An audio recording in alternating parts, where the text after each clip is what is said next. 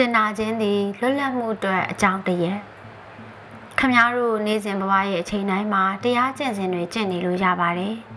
မနက်စာစားဖို့တန်းစီနေတုံးဖြစ်စေညအိတ်ခါနေလူရည်ဖို့တန်းစီနေတုံးဖြစ်စေသတိနဲ့အသက်ရှူတာကိုလေ့ကျင့်လို့ရတယ်အချိန်တိုင်းဟာတည်ကြည်မှုငြိမ်းချမ်းမှုရဖို့လေ့ကျင့်နိုင်တဲ့အချိန်ကောင်းတွေပါဘဝရဲ့အချိန်ကောင်းတွေကိုမဖြုံးသင့်ပါဘူး တတိကျင့်စဉ်တွေကိုကျင့်လို့ရန်အနေငယ်တွင်မှာပဲခမားရဲ့မိတ်ဆွေတွေဟာခမားရဲ့ထူးခြားမှုတွေကိုသတိထားမိလာပါလိမ့်မယ်ခမားရှိနေရင်အေးချမ်းမှုရတာမျိုးပေါ့သူတော်စင်တယောက်အနာရောက်နေတယ်လို့ပဲလို့တော့ပြောကြတာကြုံရလိမ့်မယ်ကျွန်တော်ခမားတို့ကိုပုံမြင်လေးတစ်ခုပြောပြမယ်ဒီပုံမြင်လေးကိုကျွန်တော်အသက်9နှစ်သားကိုရင်ဆောက်ဝတ်တုံးကဖတ်ဖူတာဒီပုံမြင်တွေကိုဇာတကဇတ်တော်ရီလို့ခေါ်တယ်ဗုဒ္ဓရဲ့အတိတ်ဘဝဇက်လံတွေပေါ့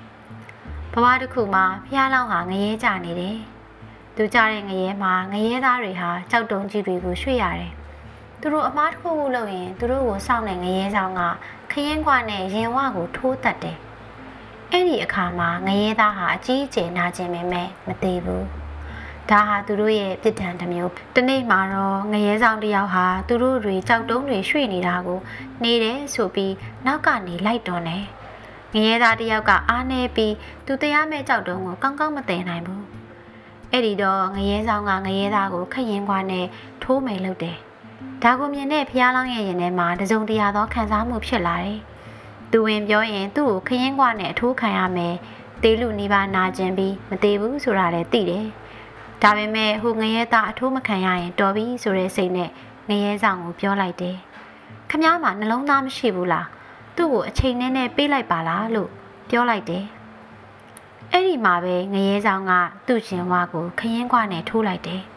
။ခရင်ခွာနဲ့ထိုးခံရတဲ့ဖះလောင်းဟာချက်ချင်းတည်သွားပြီးငရဲကလွတ်သွားတယ်။လူအဖြစ်တဖန်ဝင်စားတယ်။ဖះလောင်းဟာ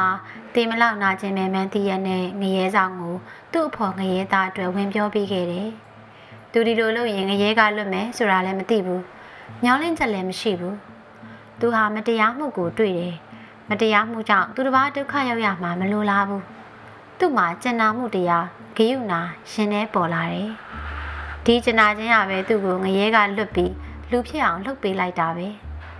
အဲ့ဒီအချိန်ကစပြီးဖះလောင်းဟာဘဝဇက်တိုင်းကျင်နာမှုကိုဦးစီးပြီးတရားတွေကျင့်လိုက်တာနောက်ဆုံးဘဝမှာဖះဖြစ်လာတော့တာပဲငရဲလဲထပ်မကြတော့ဘူးတဲ့ ဒီတော့ဗုဒ္ဓတော်မှာငရဲလိုအဆိုးဆုံးဒုက္ခကိုကြုံခဲ့ဘူးတဲ့သူ့ရဲ့ကျင်နာမှုကြောင့်သာငရဲကနေလွတ်မြောက်ခဲ့ရတာဒါကြောင့်ကျင်နာခြင်းသည်လွတ်လပ်မှုအတွက်အကြောင်းတည်းလို့ဆိုချင်ပါတယ်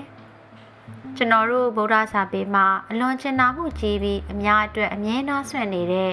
အဝီလောတိတေတွာယာဆိုတဲ့ဘောဓိသက်ဘုရားလောင်းတဆူရှိတယ်။သူကပုံစံမျိုးမျိုးကိုအသွင်ယူပြောင်းနိုင်တယ်။ ယောက်ျားမိန်းမကလေးနာနာဘဝစသဖြင့်ပေါ့။သူကဘလို့ပဲအသွင်ယူပြီးနေနေသူ့ရဲ့အတွင်စိတ်ကျင်နာမှုကကြီးတော့မပြောင်းဘူး။တခါမှတော့သူဟာကြောက်မက်ဖွယ်ရာမျက်နှာနဲ့ပိတ်တာအဖြစ်အသွင်ပြောင်းနေတယ်။ဘာလို့လဲဆိုတော့တခြားပိတ်တာတွေကိုကိုညီခြင်းတဲ့အတွက်ဖြစ်တယ်။ဘလို့ပဲကြောက်စရာကောင်းပါစေအတွင်းစိတ်မှာဂယုဏကြီးသူဖြစ်နိုင်ပါတယ်။ကျွန်တော်တို့အများစုဟာမိမိကိုသူတစ်ပါးကရံပြုတ်မှကြောက်တယ်။ ဒါကြောင့်ကိုဟာရက်ဆက်သူကြမ်းတက်သူအဖြစ်ဟန်လုပ်နေတတ်ကြတယ်။ဒါပေမဲ့အတွင်းမှာတော့ဘော်ဒီတက်လိုပဲကျနာတတ်စာနာတတ်တဲ့စိတ်တွေရှိနေတတ်ပါတယ်။ကျနာစိတ်မရှိရင်ကျွန်တော်တို့ဟာဒုက္ခပိုခံရပြီးကိုယ်ပတ်ဝန်းကျင်ကိုလည်းဒုက္ခပေးမိတတ်တယ်။ကျနာစိတ်နဲ့ဆိုရင်တော့တခြားသက်ရှိတွေအပေါ်စာနာတက်ပြီးပတ်ဝန်းကျင်ကိုလည်းဒုက္ခနေစေတယ်။ခ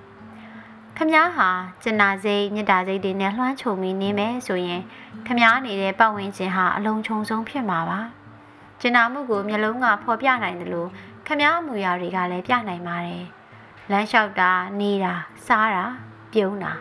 ဆက်ဆံတာတွေကနေတည်နိုင်တယ်။ကျနာခြင်းမေတ္တာဟာအကောင်းဆုံးကုဘာသာကာကွယ်ရေးစနစ်ပါ။ကူးဆက်တာလည်းမြန်တယ်။ကိုကတယောက်ယောက်ကိုကျနာမှုနဲ့ဆက်ဆံနေဆိုရင်သူကလည်းကိုကိုပြန်ဆက်ဆံလာတာတွေ့ရမယ်။ ကျွန်တော်တို့အားလုံးမှာကျနာမှုနဲ့မြတ်တာတွေလိုနေတာကိုတယောက်ကနေနောက်တစ်ယောက်အဲ့ဒီကနေတစ်ဖွဲ့လုံးကိုပြန်နှံ့သွားနိုင်တယ်။ဒါကြောင့်နေ့စဉ်ဘဝမှာအချိန်ရတိုင်းကျနာတတ်အောင်လေ့ကျင့်ဖို့လိုတယ်။ဒီလိုလေ့ကျင့်တတ်လာရင်တယောက်ကိုတယောက်ပို့ပြီးပွင့်လင်းလာမယ်။နောက်ဆုံးဘယ်လိုနေရာဖြစ်ဖြစ်ကျွန်တော်မှုမြတ်တာတရားကြောင့်နေပြောတဲ့နေရာလေးဖြစ်လာမယ်ကျွန်တော်တို့ခန္ဓာကိုယ်နဲ့အတိတရားထဲမှာကျင်နာခြင်းမြတ်တာတွေဝင်လာတဲ့အခါ ကျွန်တော်တို့ဟာငြိမ်းချမ်းခြင်းပျော်ရွှင်ခြင်းတွေကိုတထိုင်နဲ့အတူတူခံစားကြရမယ်